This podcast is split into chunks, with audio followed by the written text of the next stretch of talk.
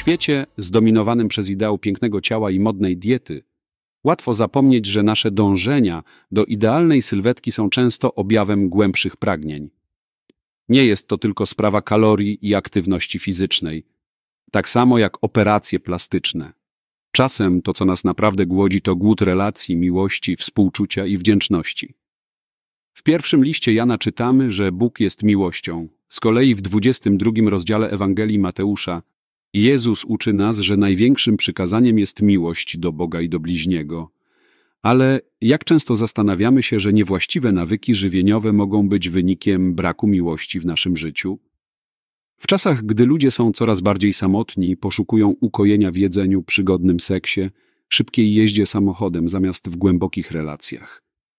Wszelkie współczucie i miłość braterska i serce pełne miłosierdzia z pokorą. Takie wskazanie otrzymujemy w pierwszym liście Piotra.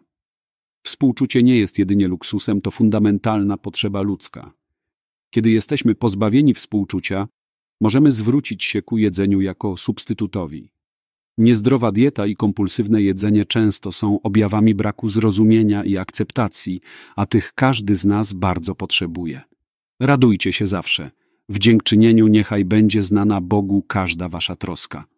Taka zachęta jest do nas skierowana w czwartym rozdziale listu do Filipian. Wdzięczność to więcej niż po prostu mówienie dziękuję. To postawa, która pomaga nam docenić to, co mamy, zamiast ciągle dążyć do więcej. Osoby, które są wdzięczne, rzadziej szukają pocieszenia w jedzeniu, ponieważ są bardziej zadowolone z tego, co już mają. Nie możemy zapomnieć, że nasze ciała są świątyniami Ducha Świętego. Zamiast napełniać je niezdrową żywnością w poszukiwaniu chwilowej sytości, zaspokójmy nasz głód na poziomie duszy poprzez miłość, współczucie i wdzięczność. Jak zaspokoić głód relacji, miłości, współczucia i wdzięczności? Otwórz się na relacje. Nie bój się budować głębokich i znaczących więzi. W tym celu warto zacząć od siebie, od własnej otwartości i gotowości do dzielenia się miłością. Ćwicz współczucie. Zacznij od małych kroków, takich jak uśmiech do obcego na ulicy, czy drobne wsparcie potrzebujących. Współczucie buduje się przez małe, codzienne działania. Pielęgnuj wdzięczność. Każdego dnia znajdź czas na chwilę refleksji nad tym, za co jesteś wdzięczny. Może to być dziennik wdzięczności lub po prostu kilka chwil medytacji przed snem.